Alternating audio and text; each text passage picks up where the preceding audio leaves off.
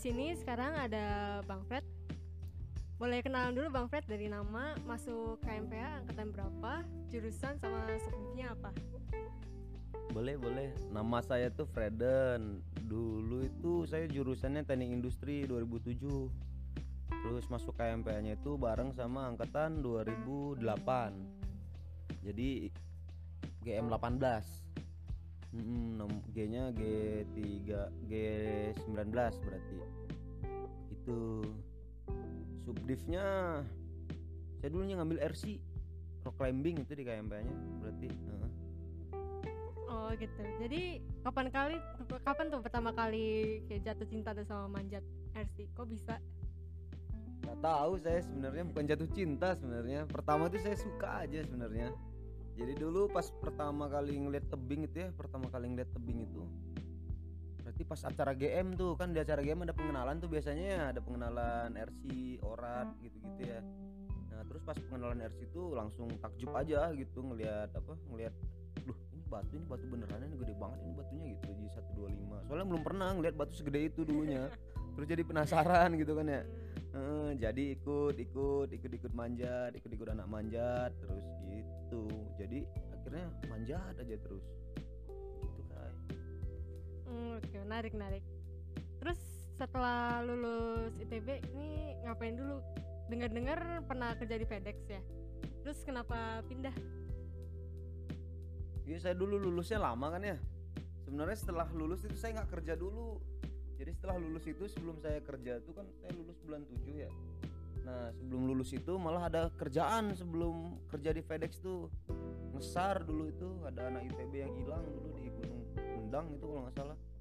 Nah ngesar dulu tuh ngesarnya aja tuh ada hampir berapa ya tiga mingguan tuh. Nah ngesar tuh. Nah habis itu baru deh saya keterima dulu di mana ya RPX FedEx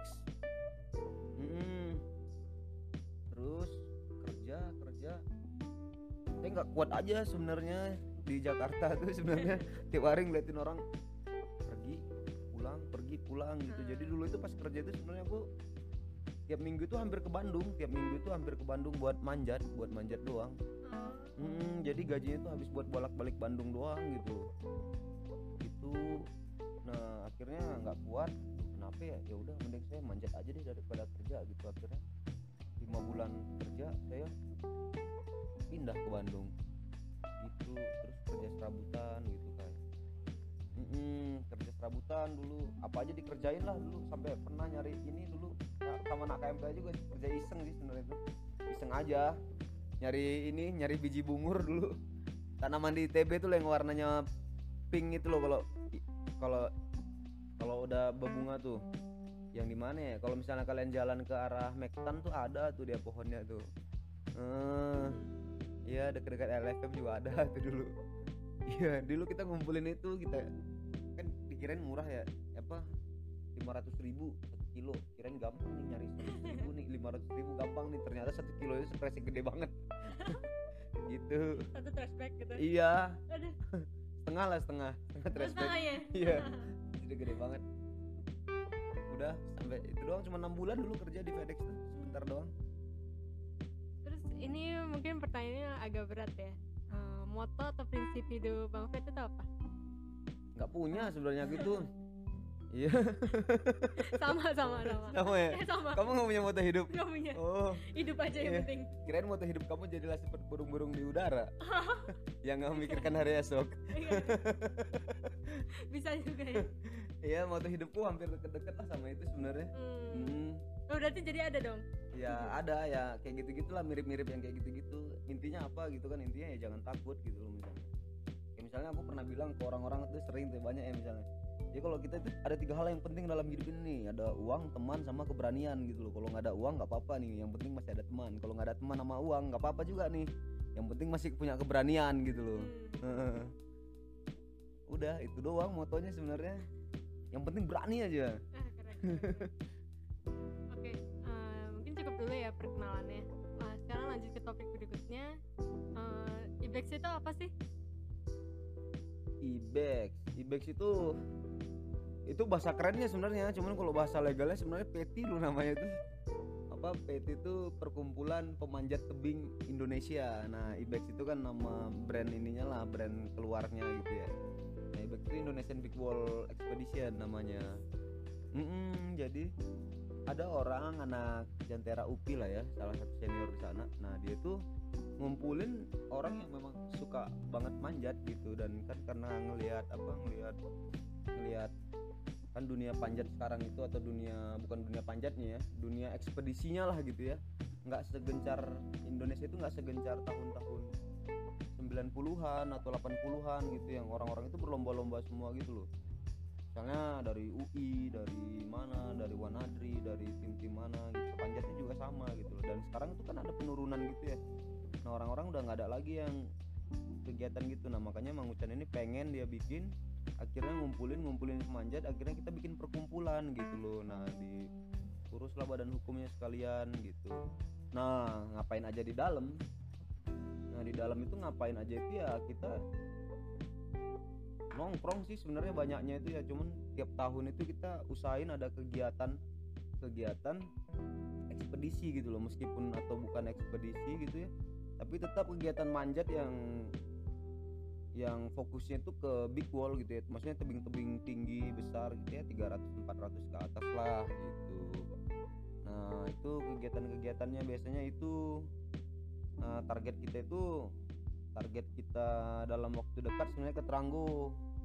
Tranggo Tower cuman kan gara-gara dihalangin sama bukan dihalangin ya sebenarnya gara-gara ada pandemi gitu ya. Akhirnya kan Pakistan juga tutup Indonesia juga gitu kondisinya gitu. Akhirnya kita geraknya di Indonesia dulu jadinya gitu kayak Mm-mm, dulu itu banyak sebenarnya kegiatan IBEX tuh. Kalau bisa dibilang tuh IBEX itu eh, organisasi yang fokus sama panjat tebing yang melakukan kegiatan paling banyak lah di Indonesia itu selama 2 tahun. Selama 2 tahun. Maksudnya ya nggak ada orang yang bisa atau organisasi apa yang bisa melakukan ekspedisi banyak dalam waktu 2 tahun gitu loh. Misalnya nih kita hitungnya nah kita hitung itu dari mulai dari mulai mana ya? Dari mulai tebing spikul nih. Spikul tuh kan udah lama sebenarnya dipanjat orang gitu ya. Cuman habis itu mati jalurnya di pit 9 pit 10 gitu. Nah terus akhirnya kita lanjutin ke atas pit 13 sampai 13 dia topnya tuh. Nah itu dulu di 2019 itu pas di pandemi padahal itu maksudnya. Nah terus habis dari spikul habis itu kita ada lagi kegiatan yang lain nih. Ngapain nih batu daya? Nah batu daya itu kan udah lama banget dipanjat paling tahun 2000-an apa 90 berapa gitu.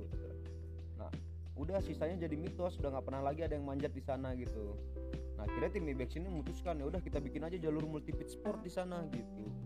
Hmm, itu di tahun Oh Ibex itu berdiri di 2019 akhir tahun ya terus kita itu ke Spikul itu di 2020 tengah tahun di bulan 7 terus habis itu sebelum ke sana juga kita sering sebenarnya manjat-manjat di Parang gitu ya. Kenapa nggak aku sebutin tadi di awal? Karena Parang itu udah biasa banget gitu loh sebenarnya gitu. Di Parang tuh Tower 2 tuh sampai berapa kali kita gitu dalam sebulan.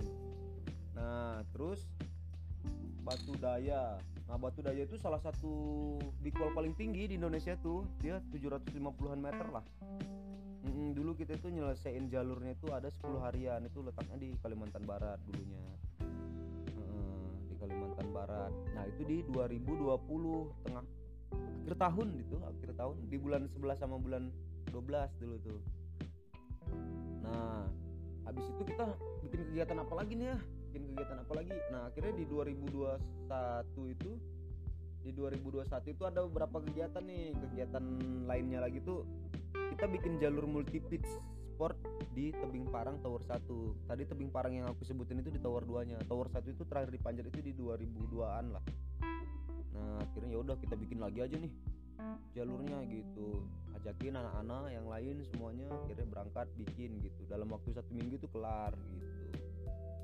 Nah terus di 2020 terakhir ya berapa? 2000 2021 ya sekarang ya 2021 Iya. bulan 9 kemarin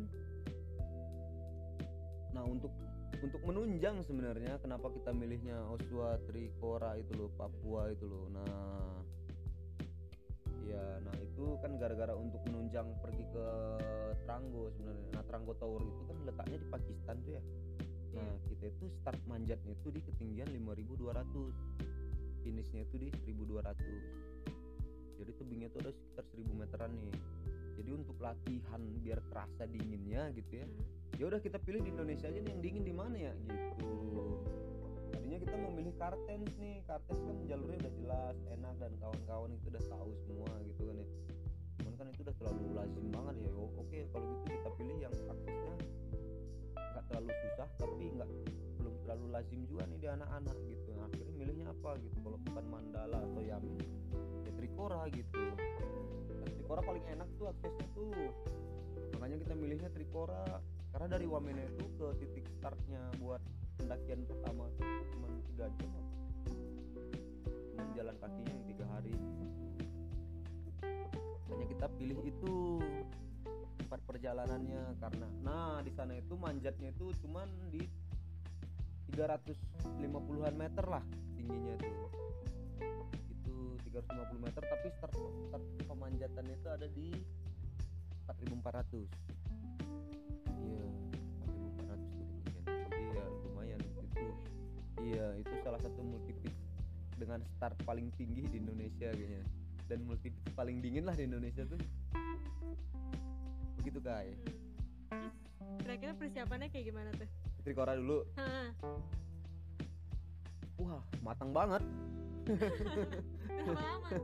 sebulan nggak sampai Oh, sebulan sih oh sebenarnya iya? cuman iya cuma tiga mingguan. Mm-mm. Gila. Jadi benar-benar langsung gitu ya. langsung jadi Spontan banget. ya, Tahu nggak terlalu spontan juga sih sebenarnya. Jadi kita langsung kepikiran sebulan sebelumnya kita ke mana nih? Cocoknya bulan berapa nih? Bulan 9 oke oke bulan 9 berangkat akhirnya ngapain aja nih? Gitu kan. Kita mau ngapain? Akhirnya nyiapin alat nyiapin alat semua. Nyiapin alat juga hamin seminggu baru kelar tuh kayaknya. Thanks kopinya nih.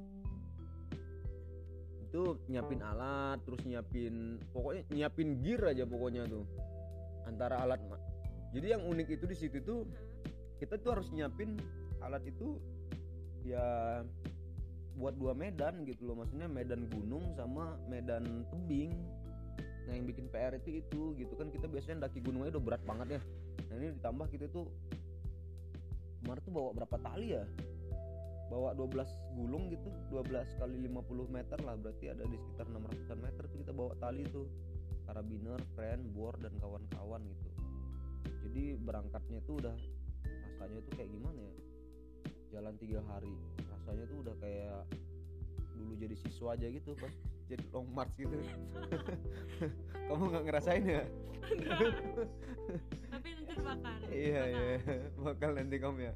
Ah, iya itu rasanya gitu. Untungnya dulu di KMPA kita long marchnya tuh lima hari kan ya? Nah dengan barang bawaan iya.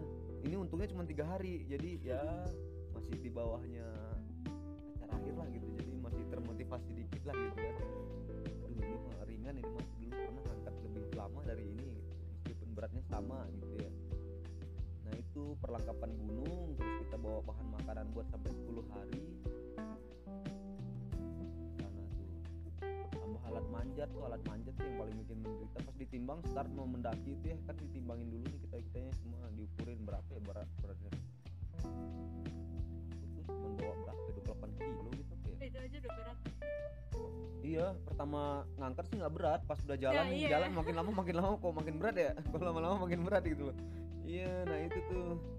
Terus jalan yang dilewatinnya itu loh gara-gara air gitu-gitu kan. Nah jadi rumput sih sebenarnya cuman rumputnya pas diinjek itu terus kena air gitu kakinya. Nah, itu yang bikin PR banget tuh sebenarnya daki Trikora tuh tapi gunung-gunung Papua emang hampir rata-rata gitu semua sih di ketinggian Hmm. 4 ribuan itu. Hmm, nanti kamu cobain sendiri deh aku cerita apa lagi nih kamu mau tahu tentang apa lagi nih Sempet nggak pas berjalan ini kayak rasa aduh mau nyerah gitu. kan dengernya kayak susah banget nih. Iya, iya. Terlintas nggak ya? Enggak sih aku tuh. Enggak. Enggak Pantang karena menyerah banget ya. iya bukan pantang menyerah sebenarnya kayak jadi gimana ya, udah nggak ada pilihan buat nyerah sebenarnya tuh.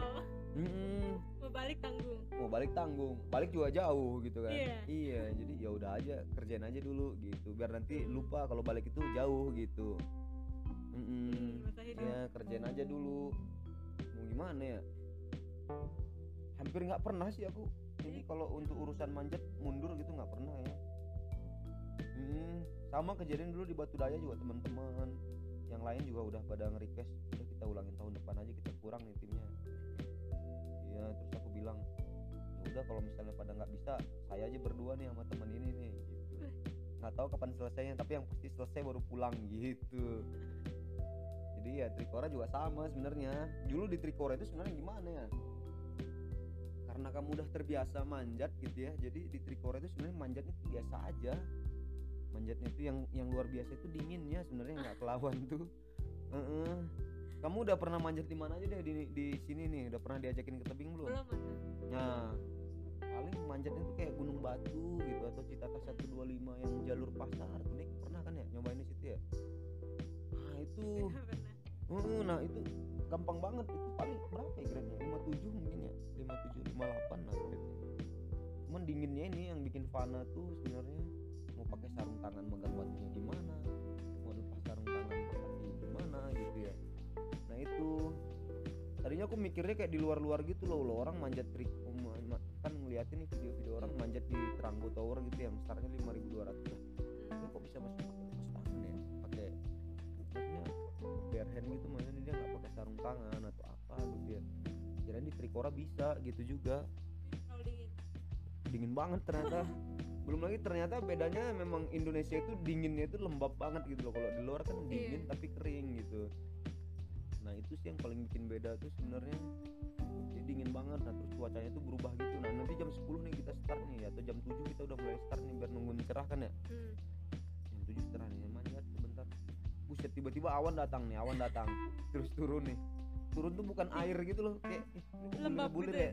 bulir-bulir bulir-bulir es Oh. gitu turun turunnya nah habis bulir-bulir es turun itu nah baru nih turun nih. Loh, ini kenapa yang lebih empuk lagi ya? Oh ini ya ternyata salju keluar ya anjirnya jadinya iya i- oh ini ya saljunya ternyata ya salju tropis ya lembut gitu jatuhnya dingin gitu Sebenarnya dinginnya sih yang paling gak kelawan tuh sebenarnya di sana tuh buat orang kita tuh manjat di sana tuh sebenarnya Hmm. Mm-mm.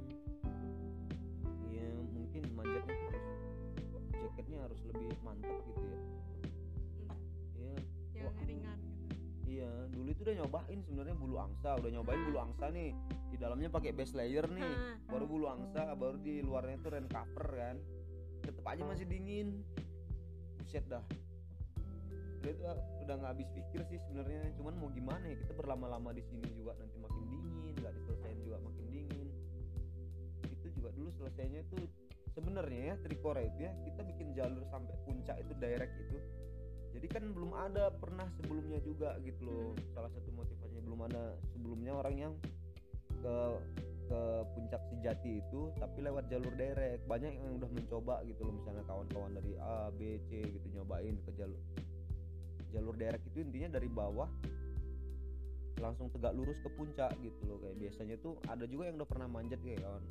Dulu Mahitala tahun 83an terus ada orang mana ya, orang Jepang itu katanya terus ada Ma- Mapala UI di 2017 kalau nggak salah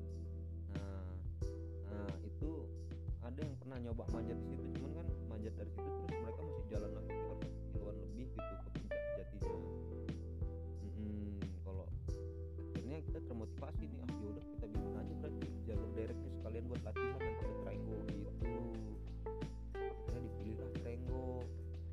Manjatlah kita di sana. Nah manjatnya itu sebenarnya kita nggak tahu informasi itu simpang siur sebenarnya. Ditanyain yang pendahulu yang udah pernah ke sana sama yang siapa siapa yang udah pernah ke sana.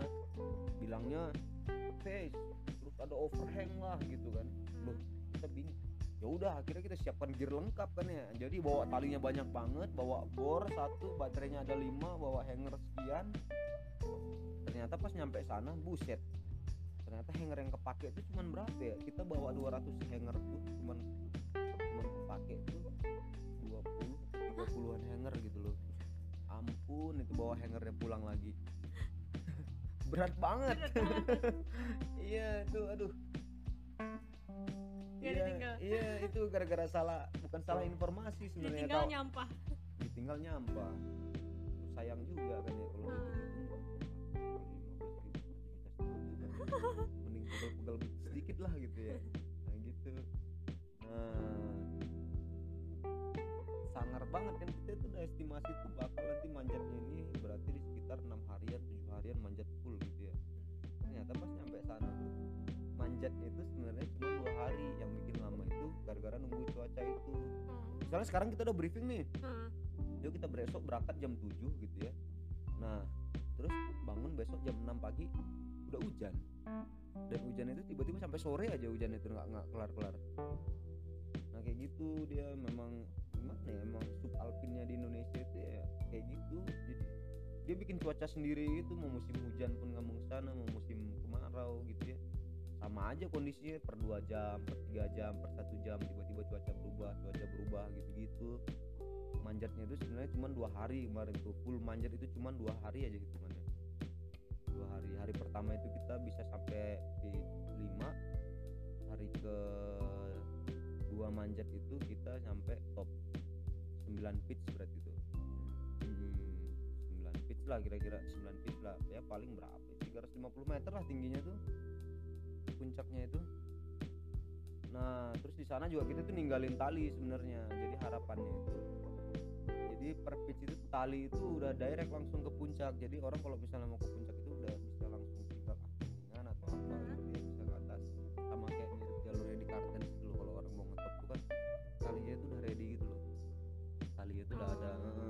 soalnya pendakian dari titik pendakian awal itu kalau orang mau ke puncak Jati itu dia tuh harus ngelewatin bridge gitu lah itu kira-kira 12 jam sampai 13 jam itu baru sampai ke bawah lagi. Hmm. jadi kita start 6 pagi berarti kita baliknya sampai ke puncak sejati j- jam 2 siang gitu terus kita balik lagi tuh nanti di sekitar jam 6 sore. Nah kalau lewat jalur direct kita ascending yang orang udah normal ascending itu cuma 6 jam bolak balik Hmm. sampai puncak turun 6 jam. Itu udah ada 30 menitan lah di puncak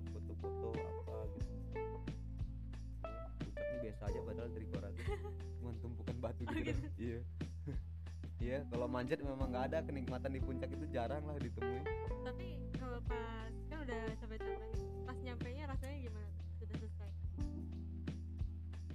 Seru. seru? Iya. Ya Iya. iya terharu sih sebenarnya. Aduh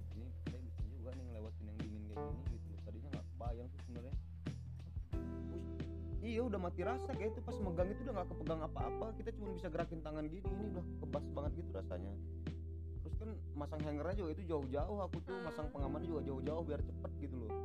Masuknya terus sampai nyampe puncak itu banyak batunya. Udah mulai pada berjatuh-jatuhan gitu. Jadi Hmm. harus pilih-pilihnya itu loh yang ekstrim tuh sebenarnya. Masang hanger. selamat semua ya tapi amat amat Selamat. semua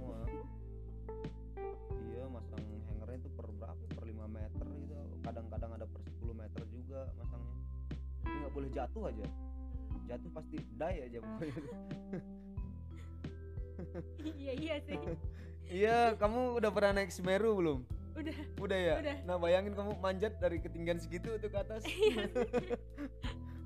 brengsek banget kan ya? Jadi maksudnya kamu udah di puncak Semeru kan kamu udah pakai jaket gitu ya?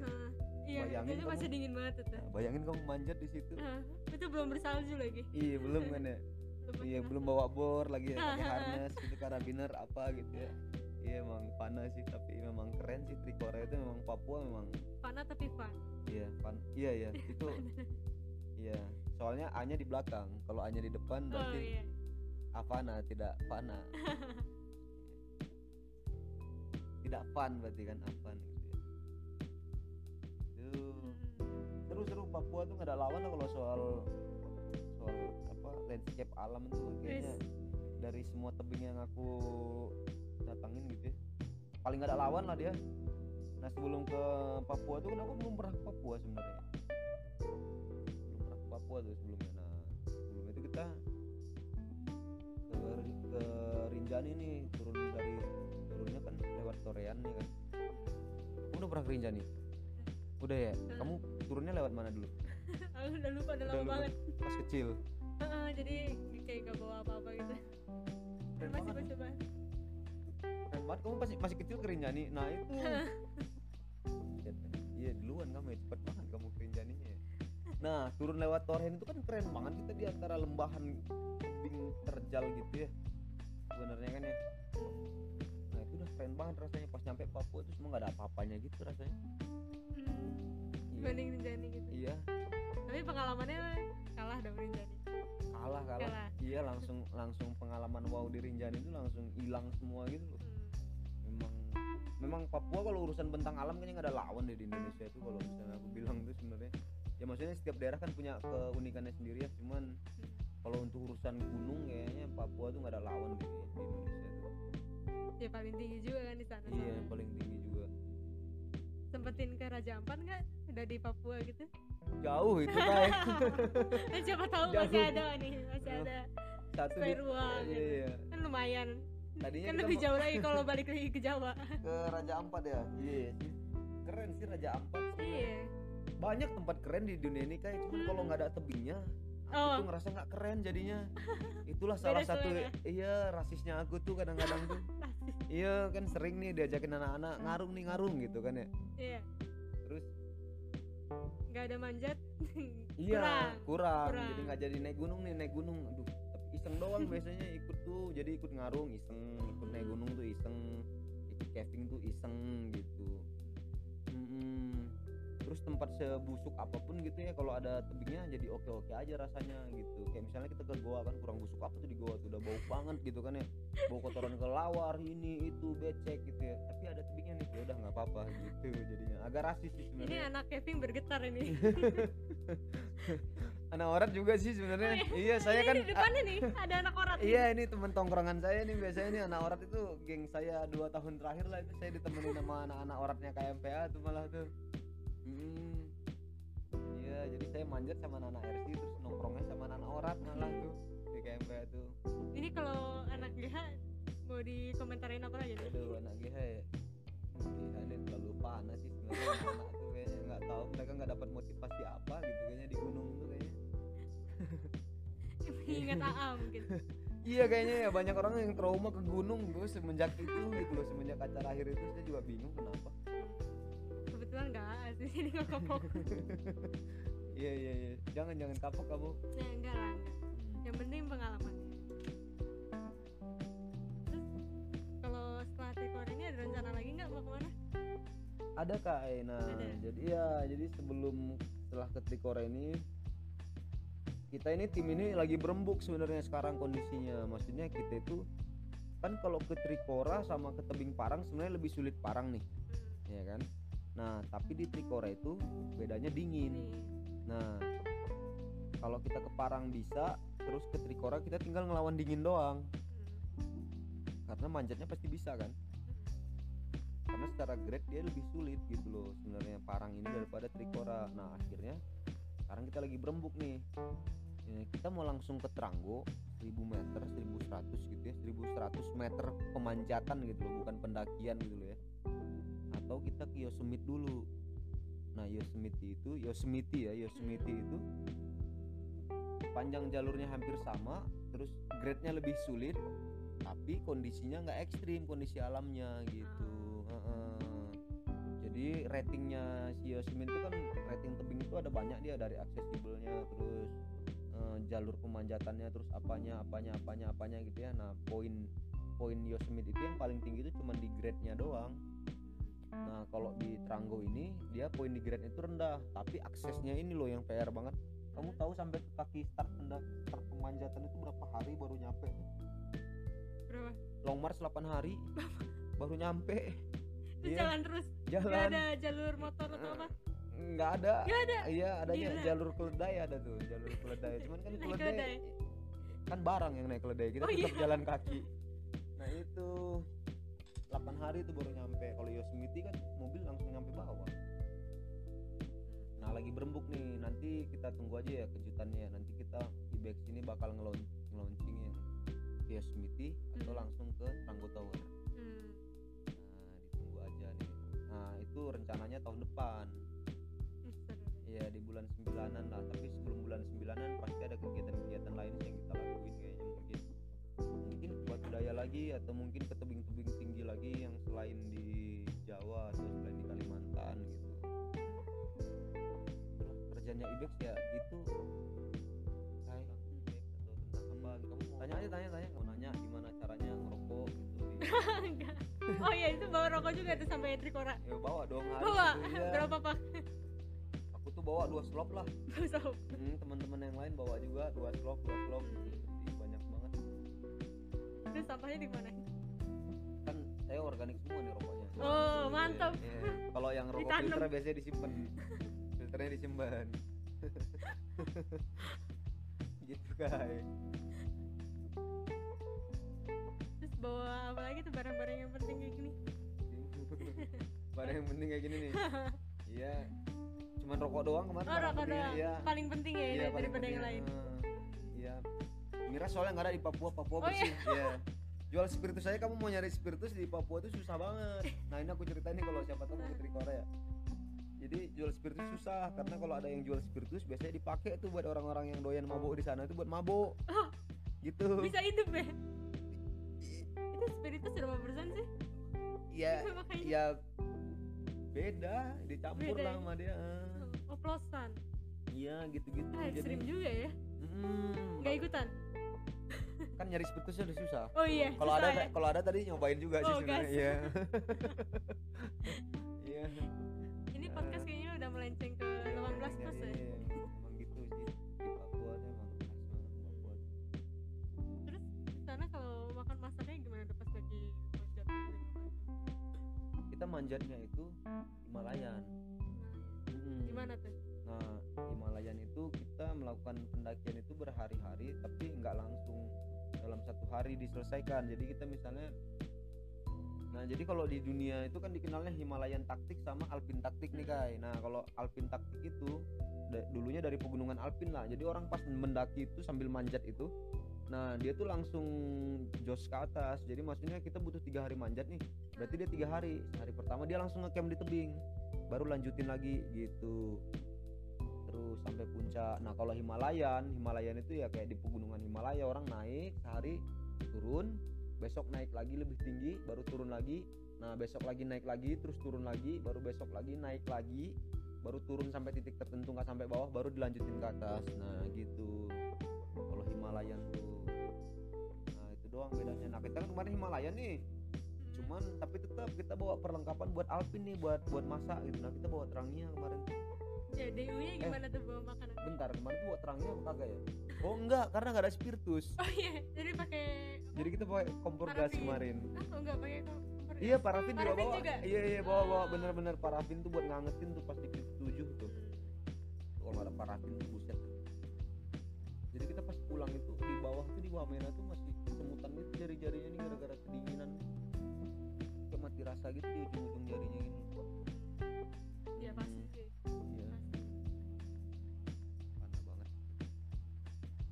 panah panah panah tapi keren sih seru sih itu. Ya banyak pengalaman yang lucu-lucu gitu kan misalnya kayak- apa aja tuh? Ya kirain kan misalnya kalau nginjak es itu kayak orang-orang itu kayak di video-video luar gitu ya, film-film tuh ih, keren nih nginjak-nginjak es Jadi gitu. sebenarnya kayak crispy gitu. Iya pas diinjek agak licin kepleset malah Iya, jadi iya. jatuh kemarin tuh. Iya namanya pemanjat pemanjat katrok gitu kan ya. Jadi kita masih udah ngeliat hah ini salju? Beneran ini salju ini es ini beneran gitu gitu jadinya manjat Cuma dipegang pakai sarung tangan basah langsung ya. Iya.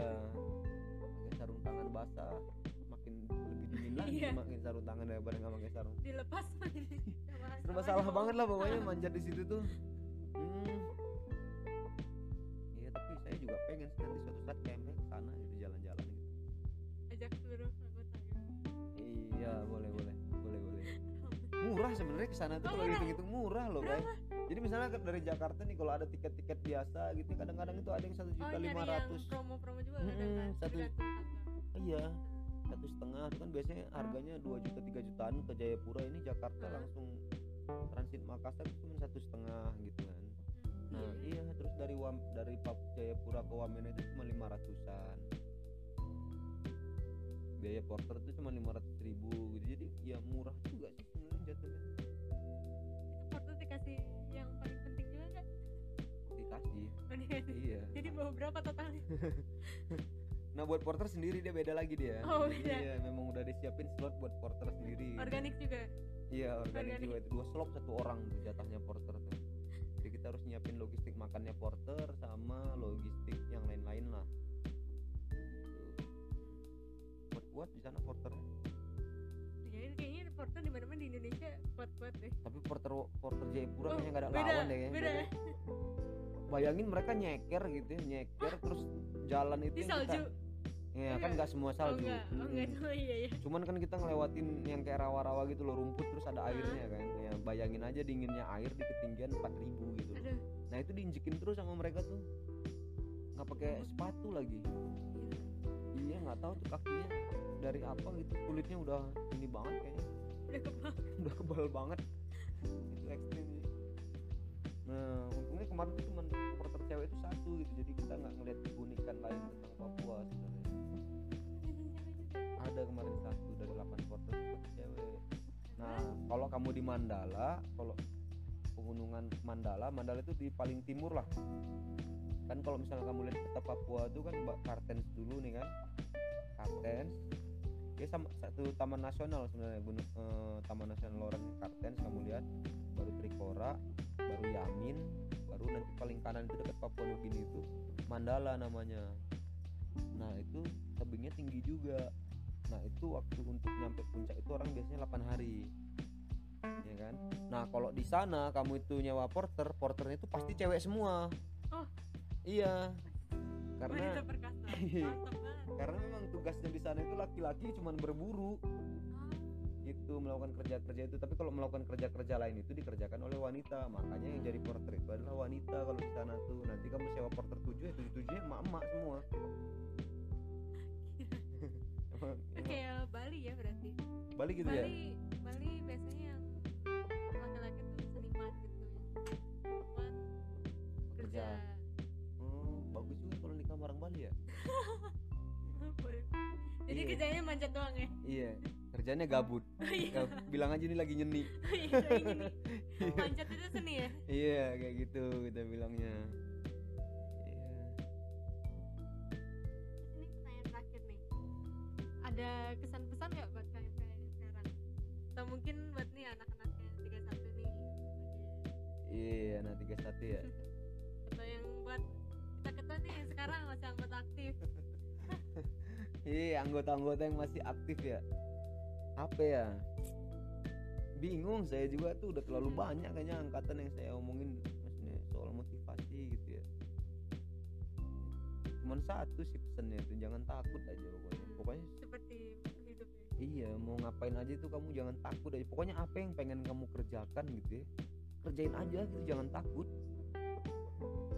Jangan takut ini takut itu takut ini takut itu gitu. Pokoknya soalnya pas kamu udah takut itu kayak ada hormon yang yang yang aktif dalam kepala kamu gitu ya. Terus mengaktifkan hormon-hormon lain gitu ya. Sehingga kinerja otak kamu berpikir itu terus bertindak itu jadi kurang gitu loh. Ah, Heeh. gitu jadinya tuh. Misalnya pas dikejar anjing kan kamu takut ya. Jadi kamu jadinya agak-agak tolol meskipun terselamatkan gitu. Bisa ngeloncatin pagar atau manjat pohon tiba-tiba gitu kan gitu kan. Ya maksudnya jangan takut aja. Misalnya anak-anak yang mau masuk KMPA gitu ya keren sebenarnya KMPA itu kalau dipikir-pikir. Iya emang keren. Iya. Di mana lagi ada mapala sebebas itu gitu loh.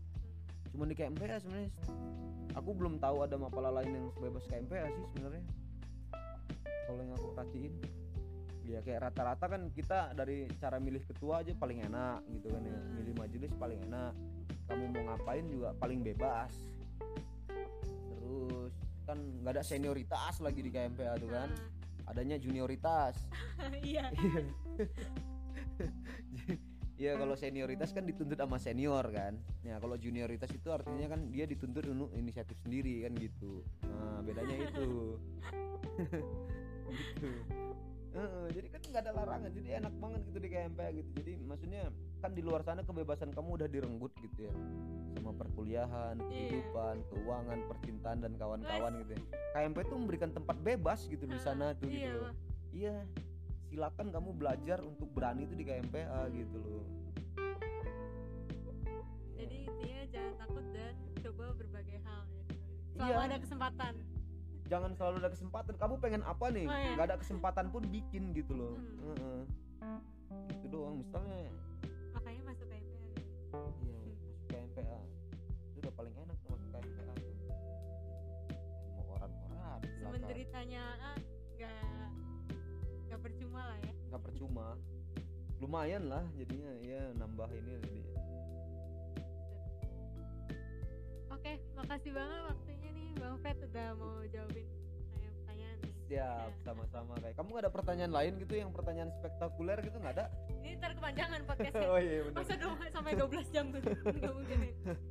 Siap siap siap. Iya iya gitu aja kayaknya Oke, makasih banyak nih Bang Fred ini udah mau jawabin saya sekali lagi. Oke. KMPA? Ganesha Ganesha. iya. Oke. kamu tahu kan arti Ganesha apa Apa nih? Coba dikasih tahu nih. iya Ganesha kan diambil dari ITB Dari kan ya ITB, iya. Ganesha kan ya iya Ganesha Tapi kenapa Ganesha ya? Iya, Kan ada kan- Cirebon, ada eh, ada Jatinangor. karena Ganesha duluan yang ada Oh, iya, iya. Ganesha Ah, duluan. Mm-mm. ya kan ITB orangnya sombong Oh iya gitu. iya ya kan Oh iya nggak salah sih. iya kan logonya aja Dewa Ilmu Pengetahuan iya Ini kayaknya kalau di ITB kan lebih kocak Dewa Ilmu Pengetahuan ini ngedudukin buku kebayang gak kamu sombongnya Oh, iya. iya kan buku sumber pengetahuan katanya kayaknya jangan dibahas lebih lanjut ya. Ntar dimarahin ntar, ntar di depak rektor. iya enggak kok emang itu kebenarannya kok emang Oh, gitu. iya emang senior senior ITB dulu itu emang sangar sangar sih mereka gitu loh iya makanya itu Oke. itu Sekali lagi makasih Bang Fred udah jawabin pertanyaan saya. Oke, aku Kayla Game 013XX. Makasih buat yang udah dengerin sampai sini. See you on the next episode. Oke. Okay. dadah.